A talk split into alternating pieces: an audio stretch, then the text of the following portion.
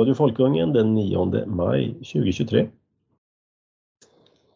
Ja du Sven, det är Europadagen idag. Och eh, Ja, jo, jag har ju en flaggstång och fördelen med den är att man kan låta bli att flagga vissa dagar. ja. ja. Men vissa dagar måste du väl flagga, eller hur funkar det? Ja, det finns allmänna flaggdagar som man kan eh, flagga om man är lojal. Eh, Det är inget tvång. Men sen kan man flagga sina egna dagar, födelsedagar och sådär där, som man tycker, tycker är bra. flagga för mig? Då får du flagga för mig för jag fyller år imorgon. Oj, att det ska jag göra. Absolut. Ehm, nej men eh, man kan göra så här. På EU-dagen eller Europadagen kan man flagga med svenska flaggan och på nationaldagen kan man flagga med, i mitt fall, Skånelandens flagga. Så man går ner ett, ett snäpp hela tiden, mer lokalt liksom. Mm. Demonstrativt. Känner du till Skånelandens flagga? Eh, Den flagga jag associerar med Skåne, det är ju den röda och gula. Men Precis. jag vet inte om det är den som... Precis, men det är Skånelanden. Det är inte bara Skåne, det är Halland och Blekinge också. Okej. De gamla danska områdena. Hade, Ja. jag, jag, jag, jag var ju lite sen här eh, och det berodde på att jag var ute på en promenad som tog längre tid än jag trodde. Och det, apropå flaggor här så jag, jag, jag kom nära järnvägen. Precis i slutet på norra delen av Solna kommun. Och då kom det farandes ett, ett, ett tåg norrut som drogs av en Green Cargo, ett Green Cargo-lok. Och Green Cargo det är ett statligt företag, om inte jag kommer ihåg helt fel, eller har missat att de har sålt. Eh, vad de sysslar med, det, det hörs ju på namnet.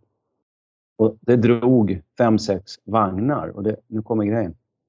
Det var postens gamla vagnar. De var eh, gula med, med postens, alltså från när vi var unga. Just det. Så, jättegamla postvagnar då, gula med, med, med den här blå symbolen som posten hade då. Och det slog mig hur gult och blått det var. Mm. Alltså, jag är inte den som ropar efter en statlig eh, post idag, definitivt inte. Mycket på det området har ju blivit, blivit fantastiskt mycket bättre. Eh, tyvärr så dröjer sig ju staten kvar i verksamheten. Eh, men på den tiden det var... Men när du säger bättre så menar du inte just av Postnord då, utan av alternativen? Precis. Det, det, det finns ju då helt andra möjligheter. Och att det fungerar ju oändligt mycket bättre. på de flesta. Men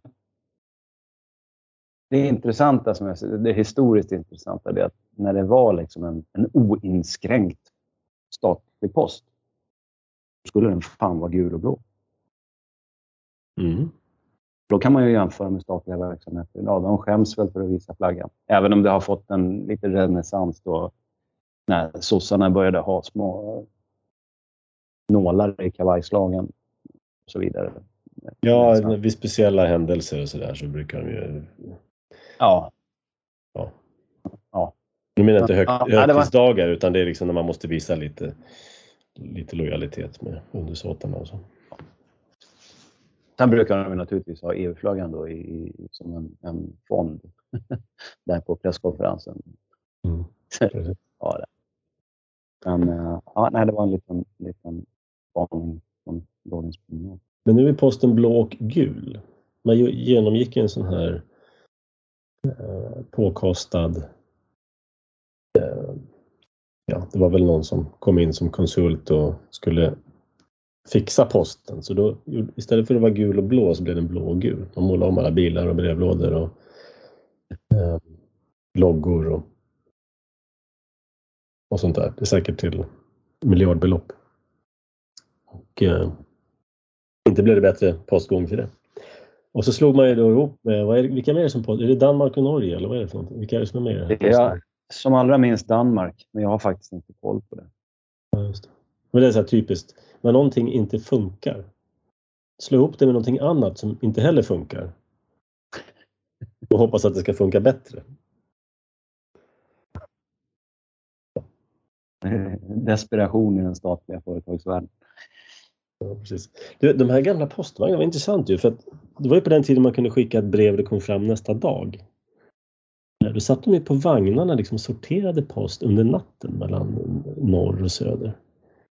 Så det var egentligen ja. ganska fascinerande och väl fungerande system. Då har man ju centraliserade automatiska sorteringsmaskiner då, så att ett brev som ska bara några kilometer, det kan ju få åka 15 mil ner till Sundsvall, vända och komma tillbaka upp. Ja, ja just det. Precis. Ja, normalt sett så brukar ju olika verksamheter bli bättre av när de konkurrensutsätts, men eh, så är det väl inte med skattefinansierade verksamheter. Tydligen, som Postnord. Nu är det ett aktiebolag, men det är i grund och botten statlig ägare. Nåväl. Jag vet inte hur vi hamnade här. Jag, jag ledde dig av vägen redan från start. Ja, det spårade du direkt. Du, jag läste en artikel här. Jag tänkte vi ska...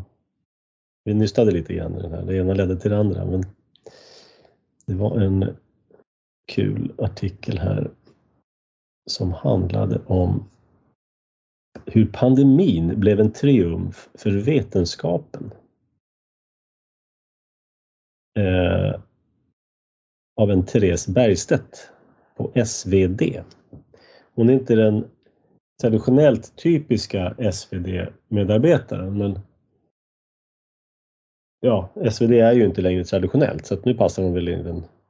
SvD var ju en gång i tiden liksom den fina tidningen, den konservativa tidningen.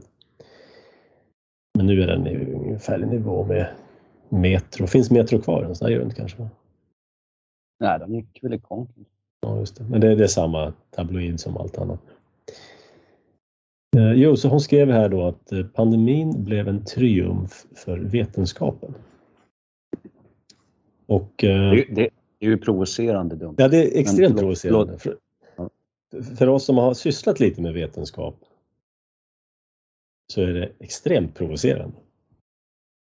Och den här artikeln skrev hon då med anledning av att WHO nu har avblåst pandemin inom citationstecken. Jag måste alltid säga det. Eh, så nu är det fritt fram. Nu får vi resa och kramas och umgås som folk igen.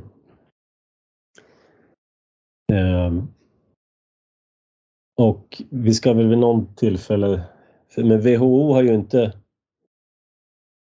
liksom, ja, de har ju höjt sina ambitioner kan man ju säga i och med det här. Och det kanske planerats sedan länge. Eh, De kommer ut med en ny konstitution här, man ska kalla det. Och den här då ska medlemsländerna då skriva på. Och nästa år ska väl Sverige besluta om det här. Och det här är en fruktansvärt obehaglig utveckling. Det går alltså ut på att WHO ska ta över i stort sett kontrollen över nationalstaternas eh, ja, pandemi och ja, sjukvårds politik i, i många avseenden. Eh, och sån här pandemi kan man ju utlysa för alla möjliga olika, av alla möjliga olika anledningar. Då. Det var säkert kopplat till klimatnödläge och sådana saker också. Jag har inte läst den helt men jag ska titta på den. Men i alla fall, det här är ju mer av den, den globala staten, världsregeringen.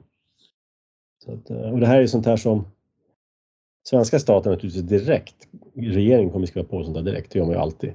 Om någonting kommer uppifrån, från EU eller FN eller WHO, så skriver man alltid på det. Och lämnar, lämnar ifrån ytterligare eh, självbestämmande. Så att, eh, men Elsa Widding nu som har blivit eh, vilde. Hon har, eh, hon har det här i skottgluggen så hon ska eh, tillbringa en stor del av sin tid nu med att jobba mot det här. Så vi får se om man kan väcka de sovande. Det här är ju en del eh, av en liksom, av ett eh, ännu mer ytliggande lökskal. Och, eller närmare lökens kärna beroende på vilken liknelse man vill eh, men det, det blir allt enklare på något sätt att få igenom i, i hysterins töcken få igenom den enda vägens politik. Här, en lösning då som ska gälla för inte bara hela Sverige utan hela EU, hela världen. Ja, och det är alltid någon, någon hysteri. Liksom. Ja, ja, men det är som... man, man, man, kan diskutera huruvida hysterin är inympad i, i samhället och alltihopa är en konspiration. Eller om det ligger i människans natur på något sätt att det blir så här.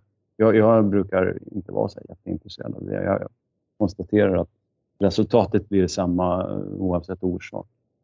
Det finns vissa fördelar med att det skulle vara en konspiration. Då kan vi hugga huvudet av konspiratörerna. Det är lite svårare att hugga huvudet av den mänskliga naturen.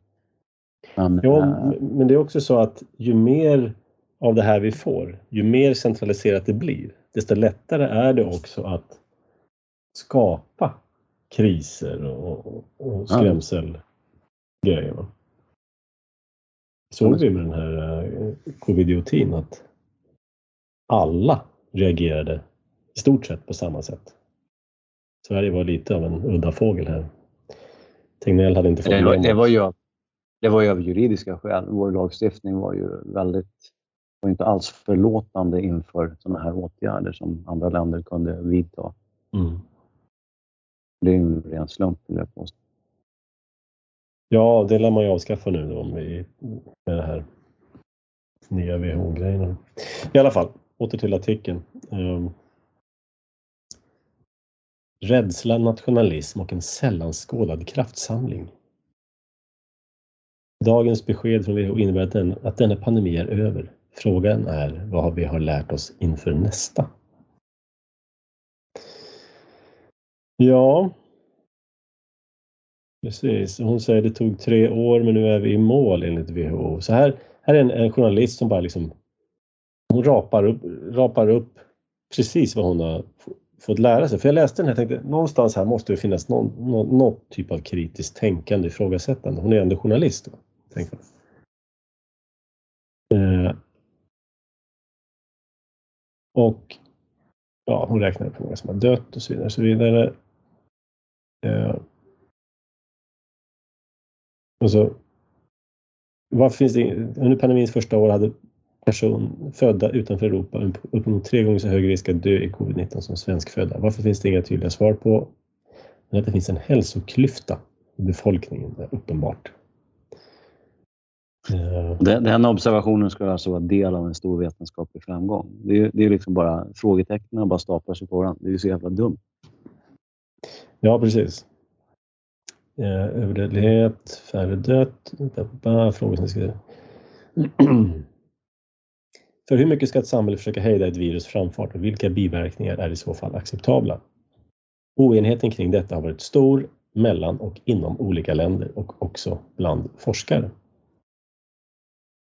Eh, ja, oenigheten har ju inte varit jättestor för att många införde liknande restriktioner.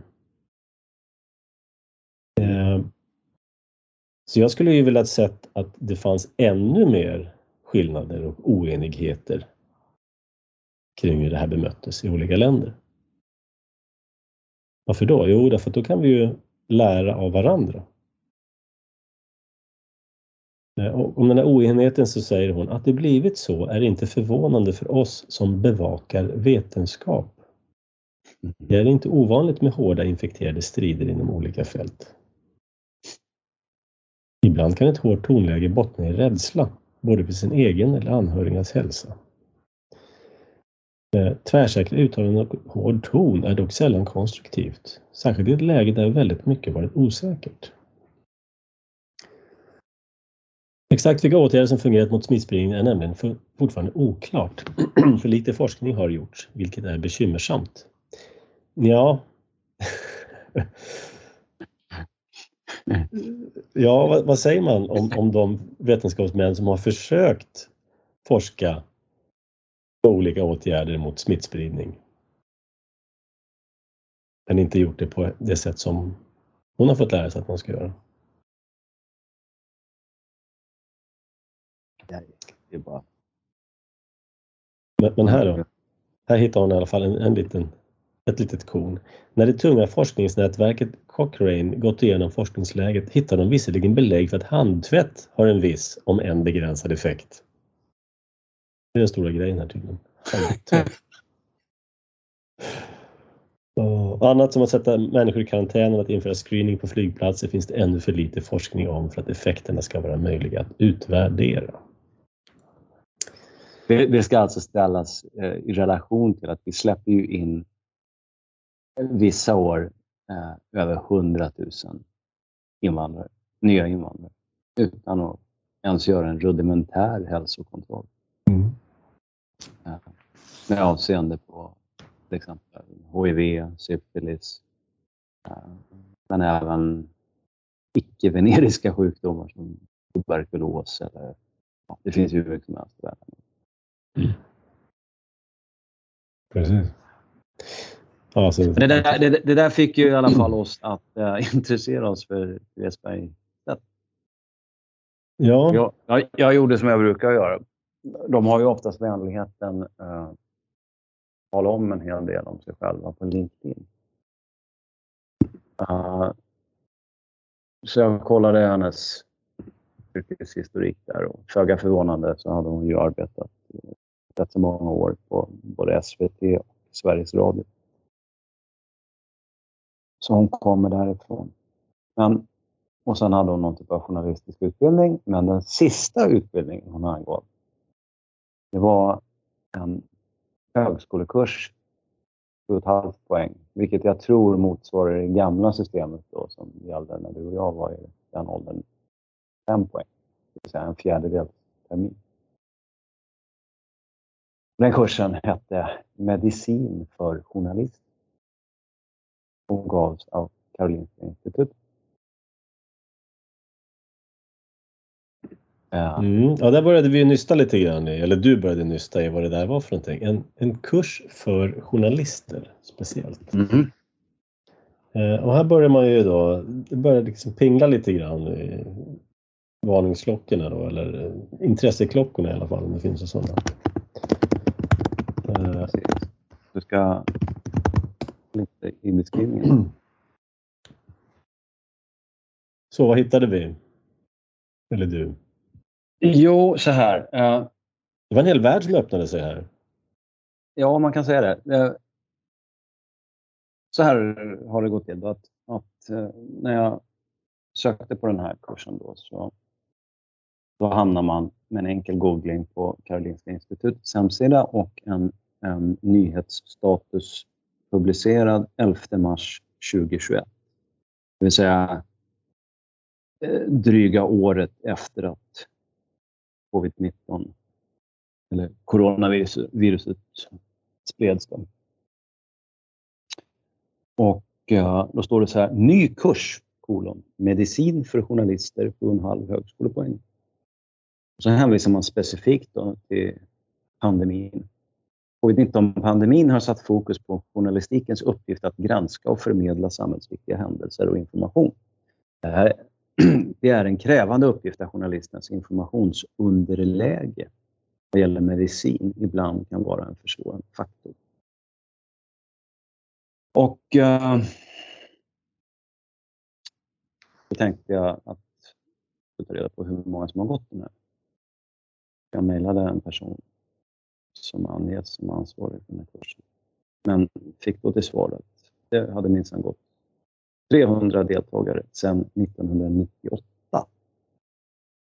Och då svarade jag på det mejlet och undrade, men den här nyheten är ju från 2021. Hur, må hur många har gått efter det? Men där blev det liksom inte någon... Personen i fråga började därefter krångla kan man säga.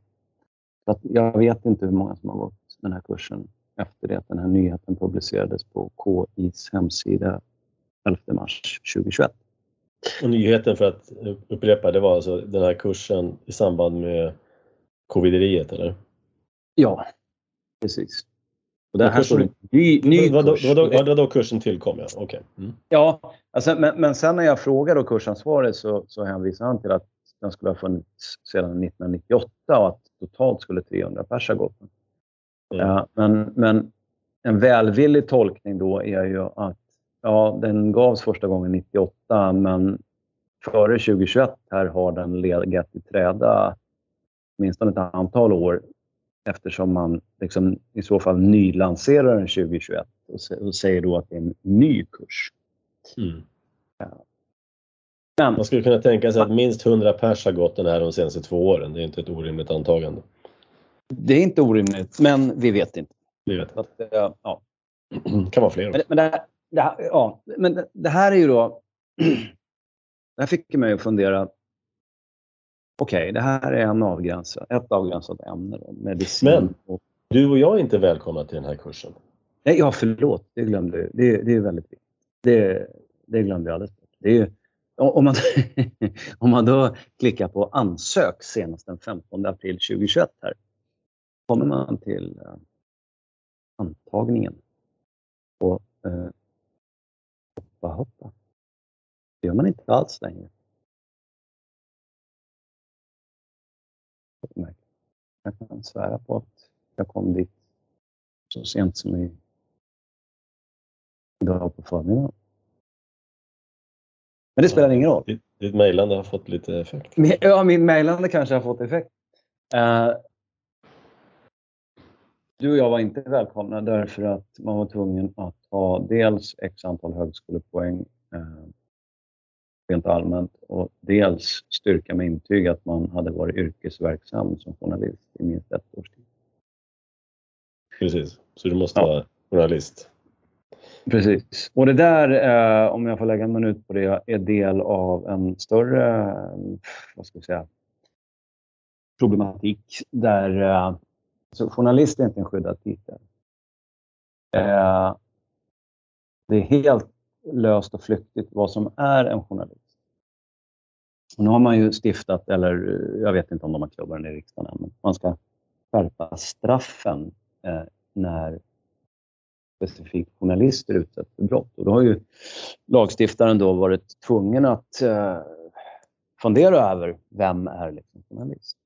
Och då går man på det här, det här inkomst... Alltså, du ska ha en betalande husse för att få anses vara journalist. Så att om jag, vilket jag tyvärr inte är, skulle vara ekonomiskt oberoende och ägna en betydande del av min tid åt att ideellt i egen regi, på egen publikation, på egen plattform eh, arbeta som journalist och skänka bort frukten av mitt arbete. Eh, så spelar det ingen roll hur pass relevant jag är i, i, i min så att säga, journalistiska gärning i, i avseendet granska, gräva, avslöja, folkbilda, vara pedagogisk och så vidare. Det spelar ingen roll, utan jag kommer aldrig att anses vara journalist. Och det här är ju, det är ju djupt besvärande därför att eh, du är alltså bara journalist om du står i, ett beroendeförhållande till en arbetsgivare. Och den arbetsgivaren ska helst ta emot eh, pressstöd också? Ja, ja men det, det, är ju så. va. Eller vara ägd av en eh, jätterik familj med stort inflytande. Uh, så att, uh, nej, bara journalister där. Ingen insyn från allmänheten. Så att. Men då tänkte jag att, fan, finns det fler kurser journalister går? Vänta, man ska, ha, man ska ha minst betyg E i svenska också. och, och, E, om jag har förstått det nya betygssystemet rätt, det motsvarar en tvåa i vårt gamla, liksom, från 1 till 5. Du ska, du ska inte behöva ha haklapp och helst inte dregla. Då, eller, eller det kanske är så att de vill ha så låga betyg som möjligt. Dock inte ja. underkänd. Ja. I alla fall, förlåt jag avbröt. Ja. Ja, nej, men jag, jag, jag, kom då helt enkelt att tänka på, finns det fler ämnesområden där, där, där det finns sådana här utbildningsinsatser specifikt riktade mot journalister? Så att jag började söka då på ja, typ strängar som kurs för journalister. Och eh, det var då jag ramlade in på en del av Linnéuniversitetet som är är alltså en högskola i Växjö. Ja, den är lite fördelad i Småland. Finns i Kalmar också. Ja, det tillhör väl den här stora inflationen i svensk högre utbildning som skedde på 90-talet. Ja, det var ju högskolor som poppade upp, så kallade högskolor lite ja. varstans. Ja, det är, bara, det är faktiskt en stor... Jag jobbar ju universitet, men jag, jag vill påstå att jag ska säga att jag är inte forskare eller akademiker på det sättet. Jag jobbar som... Men det här har ju varit en stor katastrof. Ja, men det är väl en sån här arbetsmarknads sysselsättningsåtgärd egentligen? Ja, varje centralort med självaktning ska högskola. Det, det, det är ju bara dumhet. Rena dumheter. Nej, det där är tragiskt. Oj, oj. Men det är en annan fråga. Eh, men på då Linnéuniversitetet så finns det något som, som heter FOJO, alltså F-O-J-O. FOJO. De kallas för institut, men de är, de är en del av Linnéuniversitetet. De är alltså inte en separat ekonomisk resultatenhet. Åtminstone inte enligt vad deras verksamhetsledare påstår i ett mejl till mig. Eh, Vilket gör att det är svårt att veta var pengarna kommer ifrån. Det är alltid intressant ja. att se vem betalar för det här. Precis, så att, eh, men det ska vi ta reda på, men det kan vi tyvärr inte meddela lyssnarna i det här avsnittet. Men det spelar ingen roll egentligen. för ett besök på hemsidan hos det här FOJO, det, det, det, ger ju det ger ju så att säga allt material man behöver för ja, mer än ett poddavsnitt. Jag vet inte riktigt hur, hur, hur, Det går ju inte riktigt att beskriva det här på ett seriöst sätt. Har du något? Nej, men jag, jag, ser det lite grann som ett... Eh, ska man säga? Jag jämför det med de här DDR-programmen lite grann som gick. Man bjöd ner folk, eh, lärare och sådär och skulle förklara hur DDR fungerade. Det påminner lite grann om det. Eh, det är alltså något propagandainstitut eh, för journalister där de får lära sig svara rätt. Precis. Det, det börjar ju redan, alltså om man går in på hemsidan så är den, den är väldigt, man har lagt, eh, man har helt klart lagt resurser på att få den här sidan snygg. Nu, nu ligger det alltid i betraktarens öga. Eh, man, man, man, det är mycket bildspråk här och det, ja, de har eh, definitivt haft, de har tänkt efter där. Det första man ser då, förutom bilderna, det är, det är som en slogan. Och kom ihåg då, det här är alltså ett universitet. Det är inte, ett, det är inte Olof Palmes internationella center eller, eller något annat sånt här NGO historia. Utan det här är en del av universitetet i Växjö. Och då står det första man ser. Vi stärker journalistik för en demokratisk och hållbar värld. Mm.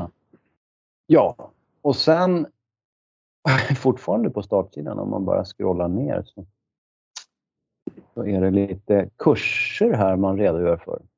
Eh, så bevakar du sjukvården. Jag kan säga så här, låt, låt lyssnare nu, det finns ett antal ämnen här som är väldigt framträdande på den här sidan. Men, men eh, lyssnaren kan få tio sekunder här på sig att fundera på vilka ämnen han, eh, hon tror eh, man kan få hjälp med här. En slags eh, folkungen-bingo. Eh, ja, nu har vi fått 10 sekunder. Nu har ni tänkt färdigt. Bra, nu ska vi höra. Vad, vad mer finns det på den här sidan? Eh, podcast Berätta med ljud.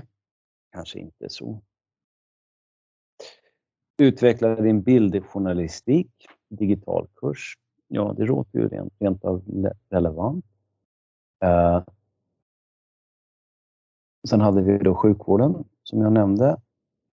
Som tog resten av vägen. Nu smet de bara för det här.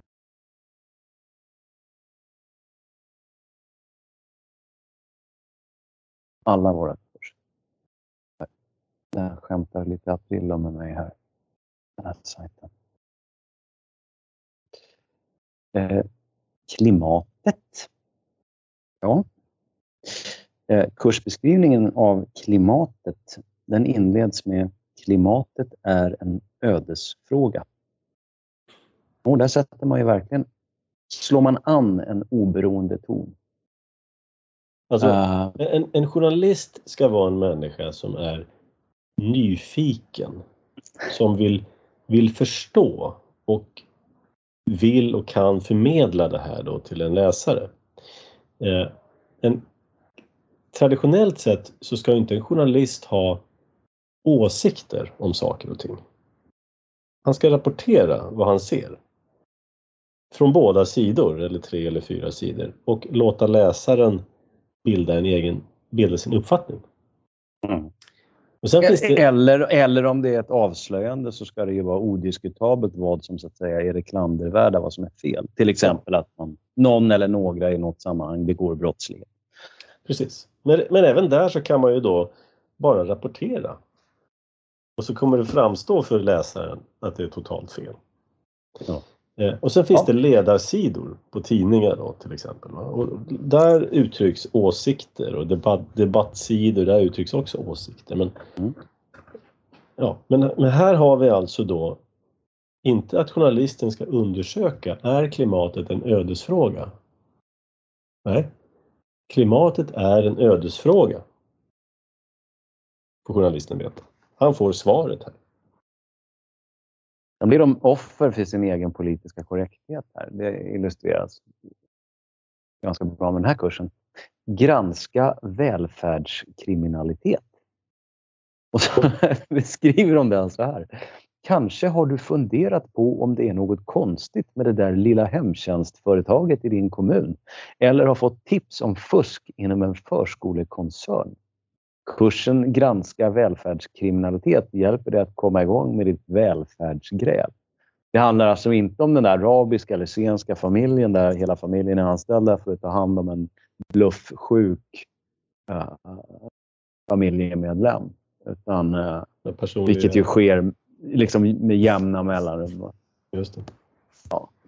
Nej, det, det ska väl ja. granska någon, någon stackars friskola eller privat uh, fritids eller någonting sånt där. Men det blir bättre. Eh, nordisk kurs inför klimatmötet COP 28. Ja.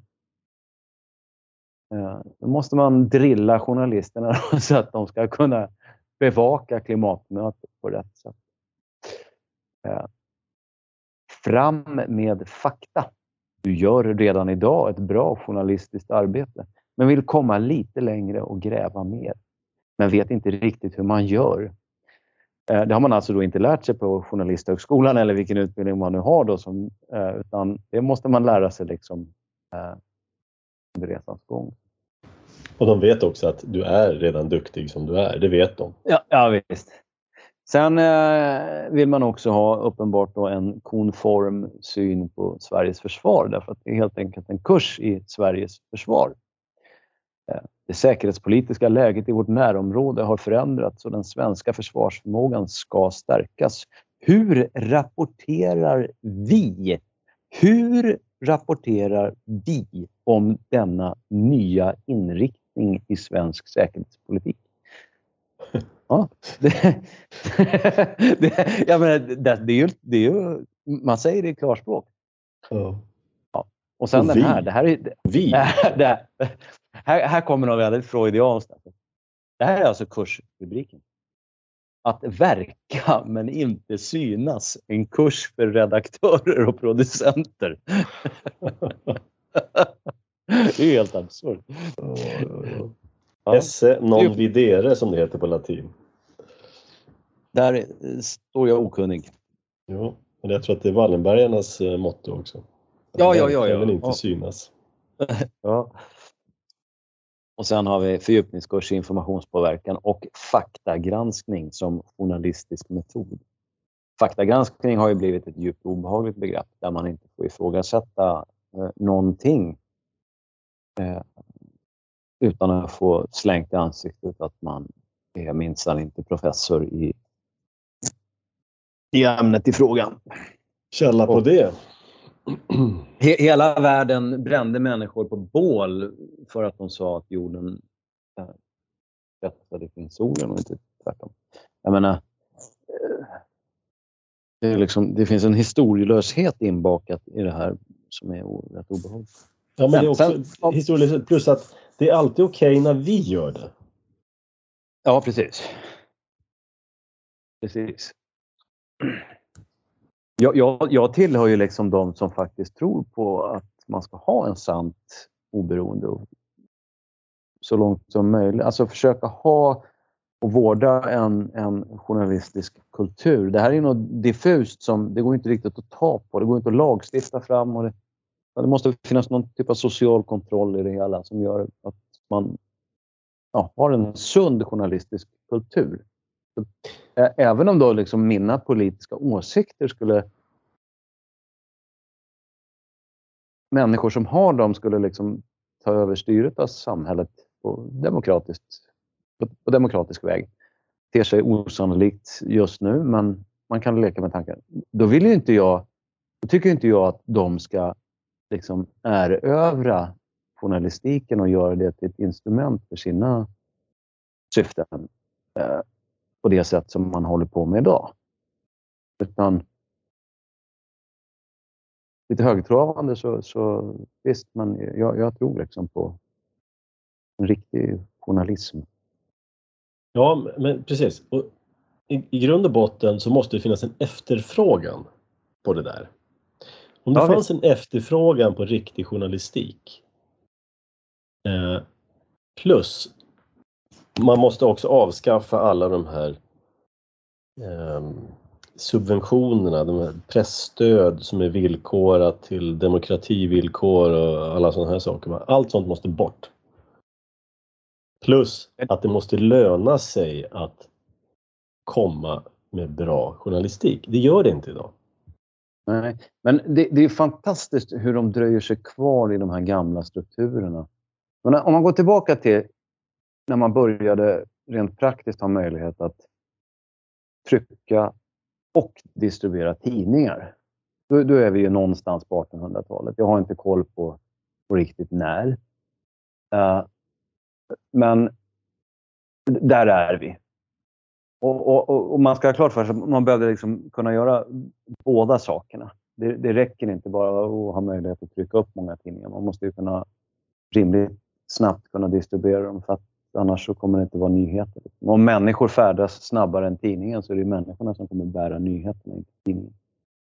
Uh, och det där gjorde ju att helt plötsligt så fick människor en, en mycket snabbare, även om vi betraktar det som snigel långsamt, så fick de en mycket snabbare, en, en, en mer föränderlig bild av, av världen.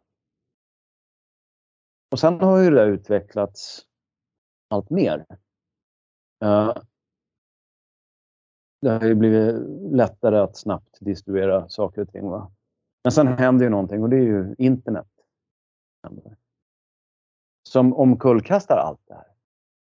För att så länge det var pappersburen information man spred, så de som kontrollerade produktionen och distributionen av de här nyhetstidningarna, de hade ju ett formidabelt verktyg för att påverka allmänheten. Så att man, man gick ifrån en situation där det egentligen var prästen som stod för den här påverkan eh, till att det var nyhetstidningen och från mm. det så hamnar man i liksom internetåldern när man med några knapptryckningar kan upplysa hela världen. Mm. Uh, och ändå så dröjer sig de här strukturerna kvar. Varför existerar liksom Aftonbladet fortfarande? Det, det är oförståeligt egentligen. Uh, mm. Ja, därför att de klamrar sig fast vid det här med massa helt enkelt de stöder ett korrupt, ohederligt system som bygger på att det är skattebetalarna som ska vara garanten för, för inom citationstecken medieproduktion. Mm. Ja. Ja. Men eh, FOJO här, det fortsätter då. Eh, då har man utöver kurserna så har man någonting man kallar för verktyg för journalister. Och det, det är här det blir liksom jackpot på riktigt. Jag sitter och kollar på det just nu faktiskt. Ja, då har vi först kriget i Ukraina. Ja, då måste man ju rapportera rätt om det. Va? Ja, jag tittade på den just nu här va? och jag noterar en sak. Bland annat de har massa länkar här till olika saker. Eh, och bland annat så har de länkar då till eh, eh, lista av betrodda nyhetskällor i Ukraina och Ryssland. Så då har du media från Ukraina. Eh, bland annat har de då pravda.com Ukraina eh, och så vidare. Och det här är då ukrainska eh, statsgodkända eh, medier i Ukraina. Sen har du lite media från Ryssland också, för måste ju, lite från andra sidan också. Eh, och då har du några här då, till exempel Nova, Novaja Gazeta.ru. Nobelprisvinnande nyhetsbyrå från Ryssland riskerar att blockeras av ryska myndigheter. Så att du har på Ukraina-listan har du ja. Ukraina-listan har du liksom godkända källor så att säga. Va? Statsgodkända. Och på den ryska listan så har du eh, bara statsfientliga källor. Ja. Det är också intressant urval. Det är rent trams.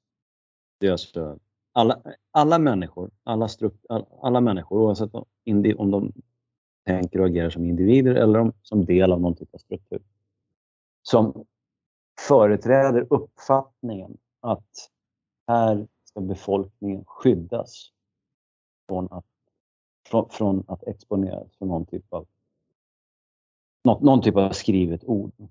Eh,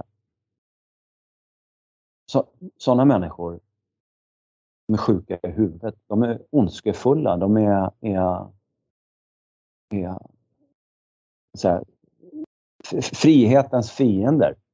Eh, och det spelar ingen roll om det är ryska statskontrollerade Russia Today eh, som då EU har eh, på jävligt juridiskt tveksamma grunder då förbjudit sändningarna av i, i EU.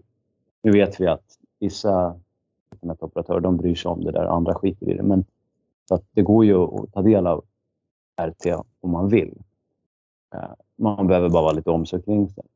Men liksom hela idén att, att, att vi i väst ska, ska skyddas från det här. Att, att det här är, oj oj, nu måste staten gå in och agera mot den här otillbörliga informationspåverkan som man brukar säga. Det, när man har den inställningen så ger, alltså behandlar man behandlar man eh, barn som mindre vetande hela tiden, då kommer de aldrig bli vetande.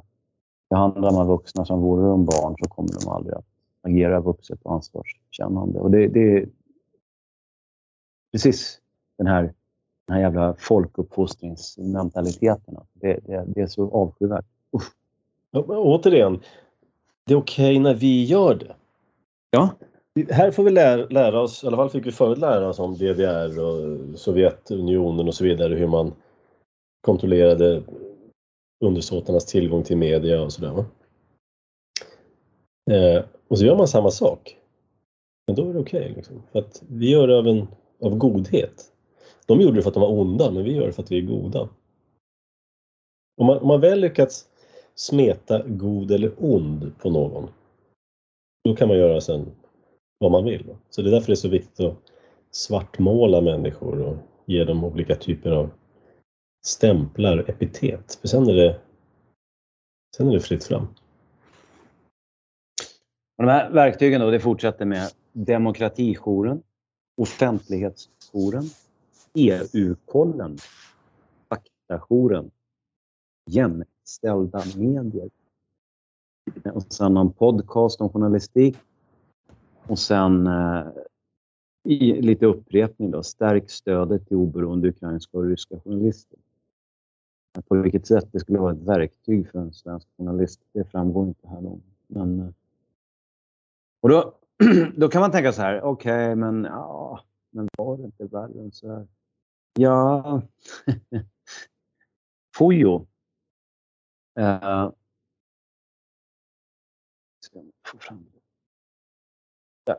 De har då på sidan en pdf som de kallar för Impact Report för 2022. Där ligger ju redan i, i rubriken Impact Report. Det tyder ju på att man har någon typ av mindset där man ska gå in och göra någon typ av politisk skillnad eller semipolitisk skillnad. Impact är ju så att, att lämna ett avtryck. Eh, skulle man, inte, skulle man bara stödja liksom oberoende journalistik så... Ja, man, man anar liksom rent semantiskt att, att eh, de här människorna som bär den här organisationen, de, de har en, en märklig syn på, på journalistik. Och vilka är det då som bär den här kanske? Jag kan nämna några ord om. Ja, eh, lednings... Ah, om personal. Uh, mm. Vi som jobb, jobbar på FOJO, verksamhetsledning, Katarina Svinkels, biträdande verksamhetschef och Kersti Forsberg, verksamhetschef. Två kvinnor i, som högsta och näst högsta höns. Ledningsgrupp, Birgitta Bergman, Kajsa Törnroth, Sofia Hultqvist, Veronica Menjon. Ledningsgruppen består av fyra kvinnor. Inga män? Kom... Va? Inga män alls? Mm personalen sen då som kommer efter. Jag har inte räknat exakt här men jag uppskattar alltså, det måste vara minst 75 procent. Det kanske är ett, eh, kan det vara, ett 30-tal människor. Det här är alltså, det är nästan bara kvinnor. Och ja. äh, i den här Impact Report då, så framgår det också, man, och man är helt öppen med det. Alltså, det, det är jävligt märkligt. Ja. Det är inte ens liksom dolt. Man säger rakt ut att vi ska arbeta för Agenda 2030. Och eh, man har valt ut... Så återigen, det här är ett universitet. Mm. Så det är lätt att glömma bort det när man läser. Det är ett universitet. Det är, det är inte ens en egen resultatenhet liksom, vid sidan av universitetet. Utan nej, det här är, det är en del av Linnéuniversitetet. Ja. Man har valt ut följande fem mål då i de globala målen. Goal 4, Quality Education and Lifelong Learning. Goal 5, Gender Equality. Goal 13, Climate Action. Goal 16, Peace, Justice and Strong Institutions. Goal 17, Partnership for the Goals. Och här, ja, klimat har vi nämnt, jämlikhet. Men mm. Goal 16, Peace, Justice and Strong Institution. Peace. Mm. Är det någon som talar sig varm i media bland av journalisterna för att man ska medla fred i det krig som råder? Det har jag inte märkt. Nej. Nej, men fred får man när man har krossat motståndaren. ja. Det är Ja, häftigt. Man måste nästan ta kontakt med de här och fråga vad det, här, vad det är för någonting. Det stod ju någonstans att det här har funnits då sedan 1972. Men jag har aldrig talat om det förut. Det föregår ju Linnéuniversitetet. Det, det är tydligt. Det måste ha inkorporerats på något sätt. Mm. Det kanske står på Wikipedia. Kolla. Ja, här måste vi göra vidare. Det finns en rolig, eh, de har en ordlista här också på engelska. Eh, och så står det Citizen Journalism. Alltså det som vi nämnde tidigare. Om du, skulle, och du och jag skulle gräva. Ja, ja. Ungefär som när jag besökte den här i Blekinge, den här covid-konferensen. Ja, där jag fick liksom, ja, jag dök upp där och sa att jag var som journalist, hobbyjournalist. Och där de... det, det tricket funkade en gång? Du... Det funkade en gång ja, sen ändrade de reglerna så man måste vara liksom, avlönad journalist, precis samma det där som du sa tidigare. Ja. Men då var jag en citizen journalist. I alla fall, så står det lite grann här, ja det är oftast liksom privatpersoner. Och så står det så här. citizen journalists might not necessarily feel the urge to be objective, impartial, or fair in the reporting. Their motiva- motivation might be to right perceived wrongs. Equally, it might be to advance a cause they feel passionately about. Citizen journalism doesn't always have the same ethical constraints on it as professional journalism, which is guided by commonly accepted media ethics and media law. See professional journalism. Alltså, eh, eh, det är helt otroligt för mig hur, hur de kan sitta här det är liksom de kan inte se det själva. Hur de sitter i... Uh... Nej, nej, och då, då, har vi inte ens, eh, då har vi inte ens eh, nämnt eller gått in på de här att man, att man dessutom är del av i Stockholm då, man, man bor i innerstaden eller innerstadsnära. Det mm. bor inga journalister för fan ute i Rinkeby eller i Skärholmen. Eh, man, man, man, har, eh, man, man partnerbildar med människor som är antingen inom media eller lite löst kultur. Med få, få undantag. Uh, och man, man har naturligtvis en slagsida när, hur, det gäller vad man röstar. Det vill säga att det finns massa andra sådana här egenskaper som ytterligare förstärker den här gruppens ja, sammanbindande fiber. Mm. Och, och, det gör det ju bara enklare för dem som sitter och håller i trådarna egentligen. De, de, de, det blir enklare för dem. Och, och vilka är det då? Är det Wallenberg eller Bonnier? Eller, men, ja, ja, kanske det. Men det är också en person som Hanna Stjärne som är chef för SVT. Oerhörd makt. Ingen vet någonting om henne. Hon har en oerhörd makt. Vems ärenden går hon? Det, det, det bör man inte ens vara konspirationsteoretiker för att ställa den frågan. Mm. Samnet skrev idag om att eh, ja, det är den här lotteri... Eh, SD och Moderaterna de, de ger sig ju på sossarnas lotteriverksamhet. Vilket är bra. Och då har Samnet idag någonting om att eh, Skatteverket då har ju en generaldirektör men de har även en styrelse och det, det är rätt så vanligt. Det gäller även Valmyndigheten till exempel. Där finns det en kanslichef, vilket är motsvarande generaldirektör, men sen finns det Valmyndighetens nämnd som, som är som en styrelse. Den som är ordförande i den här, här eh, Skatteverkets styrelse, han är ju då insyltad i det här lotteriet. Ja, just det. var tre grejer han var insyltad i. Det var Skatteverkets styrelse, han var i lotteriet och så var det någon fastighetshistoria eh, också va? Det, jag, jag hann inte läsa det faktiskt. Jag, jag, jag noterade bara kopplingen där. Men alltså, en, en, en sån där eh, dold sosse som då är instoppad i, i vad heter det, ja, som tjänsteman i princip. Och tillvarata det stora partiets intressen där då. Och så är han ju i princip politiker. Grå. Den djupa staten, den grå staten. Ja. Ja, ja men där, där har vi Fujo. Det är alltså ja, en... Vi eh, kanske får, får anledning att återkomma till det med, ja, mer. Det är alltså en, en, en inrättning som ger journalisterna rätt svar så de slipper göra sitt jobb och granska och gräva. Det är bara att slå upp här på Fojo så får man veta vad man ska säga om covid och Ukraina och sådär. Och det förklarar ju då den här eh, Therese då som hon hette, hennes artikel. Om hon nu, hon kanske gått Fojo-kurser. Jag skrev faktiskt till henne. Um, jag har börjat göra det ibland, skriva till journalister och fråga lite grann vad de håller på med. Eh, jag ska läsa upp den. Fick du? Ja, jag, jag har faktiskt inte, jag har inte fått något svar. Jag brukar, man brukar få svar ibland, men inte av henne. Jag tänkte jag ska skicka henne våran podd sen. Eh, hej Therese, jag blev lite förvånad över din text.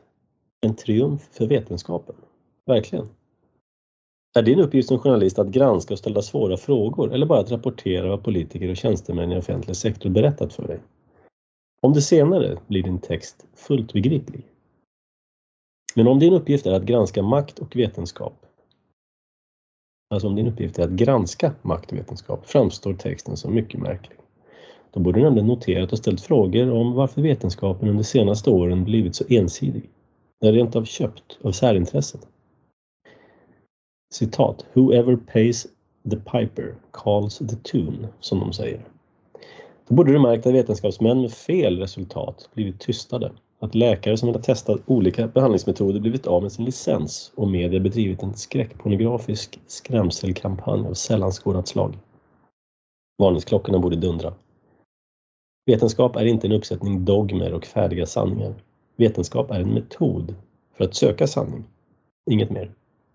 Den är snarare, snarast att likna vid en debatt där konkurrerande idéer stöt och blöts, bevisas, vederläggs, vinner och förlorar. Det är ett myller av upptäckande, nyfikenhet, experimenterande och iterativt närmande till sanningen.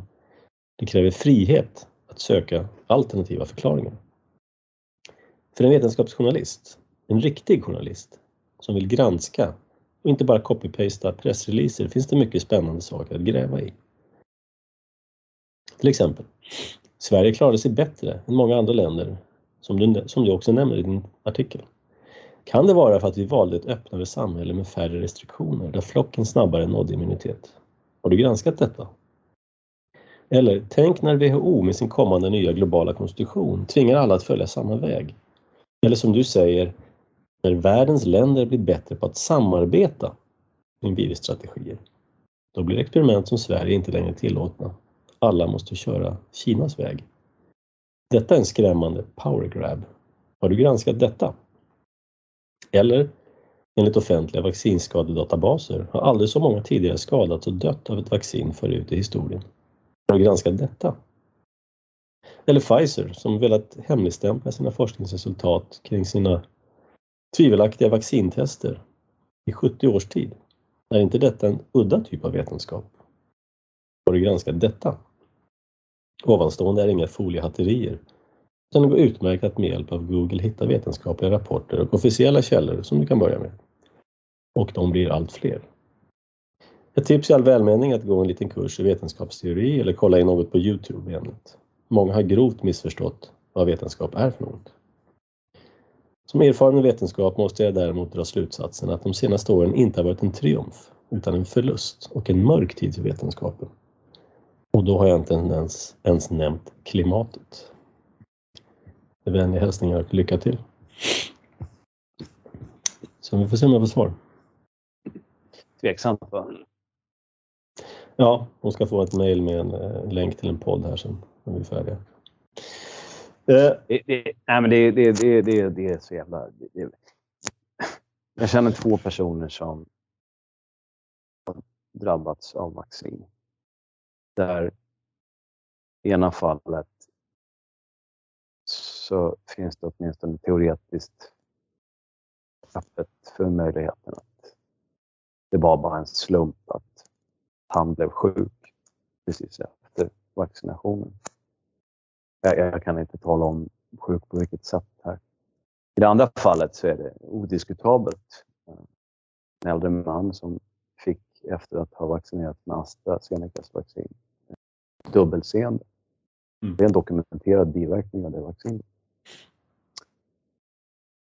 Det intressanta i båda de här fallen som en journalist skulle kunna sätta tänderna i rent allmänt utan att förlora sig i massa krångligheter om huruvida, av vilka biverkningar och i vilken utsträckning de, de, de här vaccinerna har gett dem. Det är att det har varit hopplöst svårt för människor att få sina symptom upptagna som misstänkta biverkningar. Det är alltså, de här två människor som jag känner som beskriver det här. Hur de har bara slagit huvudvägen. Det är, liksom, det är ingen som vill ta i det. Det är ingen som vill veta. Det, det, det, det ska gå att rapportera men, men det liksom Eh, det var en djungel och snårigt. Och, och de i sin tur känner ju till massor med andra människor eftersom de har ju intresserat sig för det. De anser sig ju vara drabbade. Och alla beskriver liksom samma sak. Det, det är rent administrativt, byråkratiskt hopplöst. Och, och, och det där skulle ju en journalist kunna tag i och gräva i. Därför att det är ju intressant alldeles oavsett många, hur hög andel av de här misstänkta biverkningarna som verkligen är biverkningar. Så man måste ju kunna rapportera misstänkta biverkningar. Det är liksom fundamentalt. Mm. Ja.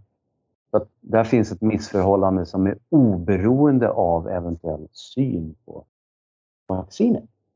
Så tanken med de här registren är ju inte heller att det ska vara bevisat att det är ett kausalt samband. Utan det är tanken att vara liksom en varningsklocka. Titta här är det plötsligt många som har rapporterat liknande grejer i samband med ja, vaccinering. Precis. Det här måste vi titta på. Precis. Tänk, tänk om man hade hållit på på samma sätt med, med Neurosedyn.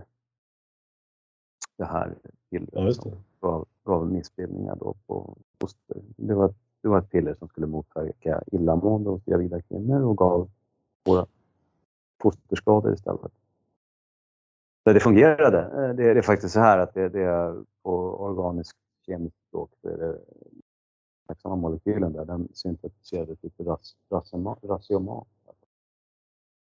Ja, molekylerna kommer ut i olika spegelvända kopior.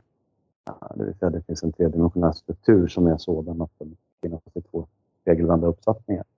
Och den ena spegelvända, den, så vänsterhanden, den gav önskat eh, resultat och den minskade illamående utan att vara skadlig för foster. Den andra regelvända gen, högerhanden, den gav fosterskador. Det var en stor tragedi och barnen föddes utan armar och ben. Uh, tänk om man liksom... äh, det, här är misstänkt biverkning men det går inte att rapportera ordentligt. Mm. Så, fort, så fortsätter man bara. Ja. Men, men journalister. Ja, nej men eh, som sagt, det finns att göra om man är intresserad som journalist. Men, eh, eller så går man och tar de färdiga svaren. Hur rapporterar vi om covid? Ja. Vi. Ja, vi. Den kollegiala känslan är liksom på polisiär nivå. Man kan ju avskaffa journalister om det ändå är samma story som alla kör. Så varför, varför krångla? Liksom? Ja. Jag frågade också faktiskt ChatGPT här, eller GTP eller vad det heter. Hur många som har rapporterat döda i det amerikanska VAERS-registret, vaccinskaderegistret. Ja, men då svarar den, eh, fram till september 2021 så var det 7000 döda. Jaha, september 2021. Alltså det där registret finns ju, uppdateras ju dagligen. Varför 2021? Jag frågar, jag frågar henne, varför, varför har du ingen nyare data? Nej, jag har bara den data som blivit tränad med och jag har inte blivit tränad med senare än september 2021. Okej. Okay. ja, vad säger man? Men vi ska ta upp eh, två saker till lite snabbt här innan vi avslutar. En, eh, en god nyhet här är ju Samhällsbyggnadsbolaget håller på att kollapsa. Det är ingen god nyhet om man äger aktierna men det är ett sånt här, anser jag, tvivelaktig verksamhet. Eh, vi nämnde det här tidigare för några månader sedan. Samhällsbyggnadsbolaget, deras affärsidé är att köpa upp eh, offentliga fastigheter och sen hyr man tillbaks dem till ja, den offentliga sektorn i stort sett. Eh, och det här är ju en, en modell som har blivit ganska populär de senaste åren att man ska inte behöva binda massa kapital i, i um, lokaler och den amerikanska affärsidén. De, de bygger ju nytt också. Det är ja, okay. viktig. Ja. Alltså, och, och, där är det ju så att om, om du tänker en kommun, de behöver ett stort äldreboende. kommuner har ju aldrig pengar i kassan för att göra sådana investeringar med, med liksom, ja, bara med kassamedel utan de måste ju låna helt Många kommuner är ju låna, belånade upp över öronen. Inte mm. alla. Det är en stor spridning i Sverige på det här området. Men många är belånade. Och då, den tjänsten så att säga som SBB har varit med och tillhandahållit är att ja, men vi bygger. Ni hyr av oss. Men vi tar ju hela den ekonomiska risken här så att ni måste teckna långa hyresavtal. Och det betyder att istället för att gå då till banken eller till Kommuninvest eh, och låna kapital så och, och, skulle kommunen göra så, ja, men det är ett lån, det kommer tas upp i balansräkningen och det ser dåligt ut för det politiska styret. Och så vidare. Då går man till SBB och sen så behöver man inte ens göra en offentlig upphandling utan man skriver bara avtal med dem rakt upp och ner på grund av ett kryphål då i lagen om offentlig upphandling. Och så bygger de det här äldreboendet och kommunen tecknar ett 25-årigt hyresavtal. Så lånar ju då SBB pengarna istället. Uh, och det där hyresavtalet på 25 år, det behöver kommunen inte ta upp i balansräkningen. Man ger en helt falsk bild av ekonomin. Det, det, det, och, ja, och, och, sen är det, ja, det är Ilja, Ilja Battelian då, som var eh, högt uppsatt i, i Socialdemokraterna och uh, gjorde karriär, karriär både i rikspolitik. Först gjorde han karriär i Nynäshamns kommun, det var hans bas. Uh, hans hustru tror jag är VD nu på allmännyttiga bostadsbolaget i Nynäshamn. Nynäshamn är en sosse, uh, fullständigt infiltrerad. Men så var han i rikspolitiken och han var även ett tag i Stockholms läns landsting tror jag. Sen hoppade han av allting. Jag tror att han förlorade partiledarstriden mot Mona Sahlin. Kan ha varit så. Kan ha varit. Hoppa av alltihop och uh, uh, var i någon... Han var högt satt i någon av de här statliga fonderna. Det var, ja, det här, någon av AP-fonderna tror jag. Fick nog gå därifrån under lite buller och bång. Och så hade han ju sidoverksamheter då, så att han byggde upp en förmögenhet och den använde han väl till att starta samhällsbyggnadsbolaget och på den vägen ner. men nu är de ju då som sagt på obestånd. Vi får se hur det slutar. Mm. De föll eh, nästan 25 procent på börsen bara idag. Eh, det är mycket. Att, ja, det är väldigt mycket. Kostar 6 spänn någonting. Eh, nej, men de fick en, eh, en nedgradering av Standard Poor's, tror jag. Deras eh, skuld. Ja, just det. Så var det. Skräp. Jag tror man använder det ordet. Ja, skräpobligationer kallas det skräplån.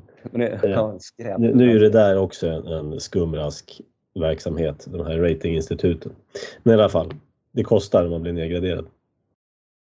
Det är också sådär att man betalar för att bli ratad av dem, så det, det är liksom eh, Ja, det finns ju gott om ska säga, de sitter på dubbla stolar liksom.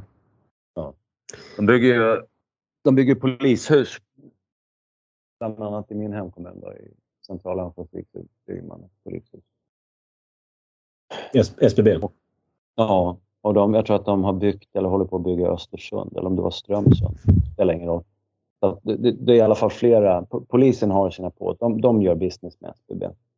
För ett tag så höll jag på att rota för jag ville så desperat veta hur, hur de har fått det inflytandet över polisen. Mm. Uh, det har gått via en eller några personer. Det kanske är så enkelt att det var någon jävla sosse rikspolischef där. Jag vet Häcksjö eller vem som kan ha satt igång det. Men det kan ju också bero på andra personer. Men, alltså, det, det, det, det är ju inte fel att kommunen hyr lokaler. Nu, nu, tycker jag inte att kommunen ska bedriva sådana här verksamhet överhuvudtaget, så egentligen ska jag inte ens hyra några lokaler. Men om man nu ska göra det så är det ju inte fel att kommunen hyr lokaler. Problemet här är när man gör liksom 25-30-åriga avtal. ja, visst. För då är det ju samma sak som att man hade köpt eller att man hade byggt det här själv. Bara det att ja. räkningen kommer i efterhand. Ja, och det slår undan benen för all typ av konkurrens och liva, levande ekonomi. Uh, det blir bara absurt. Ja, men det gör all, det gör all kommunal verksamhet som konkurrerar. Ja. Men, ja. Men vad, vad händer nu? Jag vet inte, jag har inte kollat detaljerna på SBB då, varför man nedgraderar och så här. Men det här är en typ av verksamhet, liksom fastigheter överhuvudtaget. Det är en lågränteverksamhet. Så att nästa gång som man startar om eh, räntan i Sverige. Vid den förra krisen på 90-talet så hade man ju, ja, när, när kronan kraschade, man skyllde på Soros. Det var inte Soros fel utan det var svenska politiker som hade förstört kronan. Soros bara drog ner kallingarna på dem.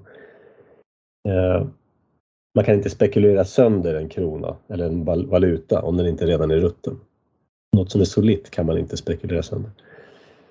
Eh, så då startade man ju om hela Riksbanken, en ny riksbankslag och så vidare. Och så skickade man upp räntan då till 8-9 procent låg den på som högst. Vilket är en rimlig ränta. Det är ungefär där den skulle ligga om man inte hade en riksbank.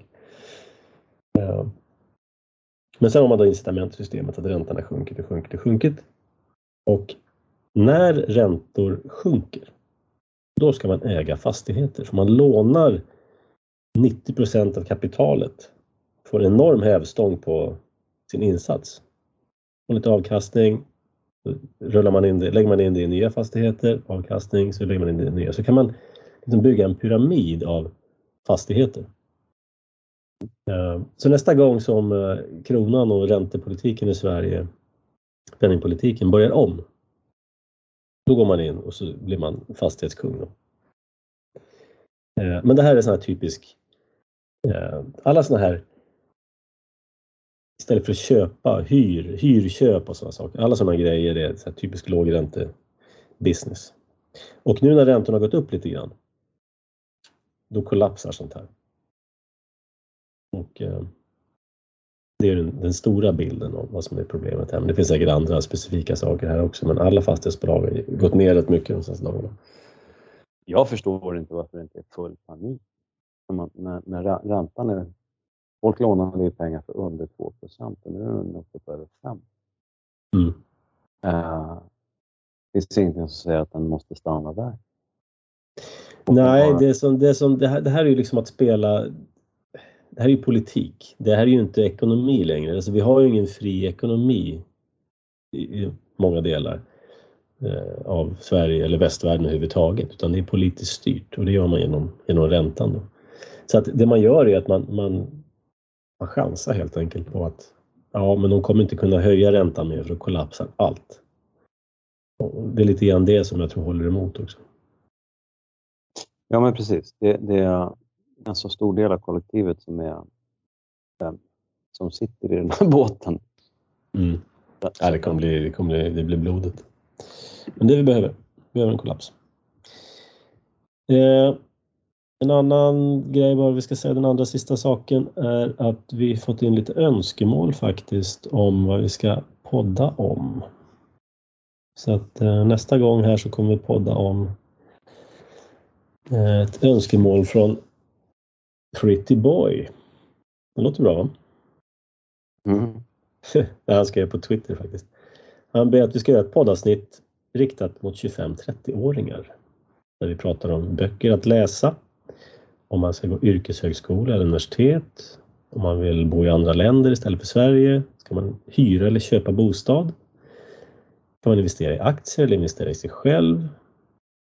Var i Sverige kan man bo eller andra ställen i Norden? Ska man göra värnplikt? Ska man lära sig fler språk än engelska? Ska man flytta om sossarna tar makten nästa val? Framtidsyrken och så vidare. Så det kommer vi göra. Och har man andra önskemål så ring så spelar vi, som man brukar säga förut. Hör av er, säg vad ni vill att vi ska diskutera, så gör vi det. Eh, påminner också om Folkungatinget 26 till 28 här i månaden. Inte många veckor kvar. Anmäl dig nu. Eh, har jag missat någonting? Nej, jag tror inte det. Mm. Ett litet tillägg. Vi hinner nog inte ta alla de där önskemålen på en och samma gång, men man kan veta av dem. Absolut. Precis. Och eh, som sagt, inkom gärna med flera. Så tar vi det. Men nästa vecka så kör vi några av hans, hans ämnen där tänkte jag. Då så. Tackar för ikväll. Så hörs vi snart igen.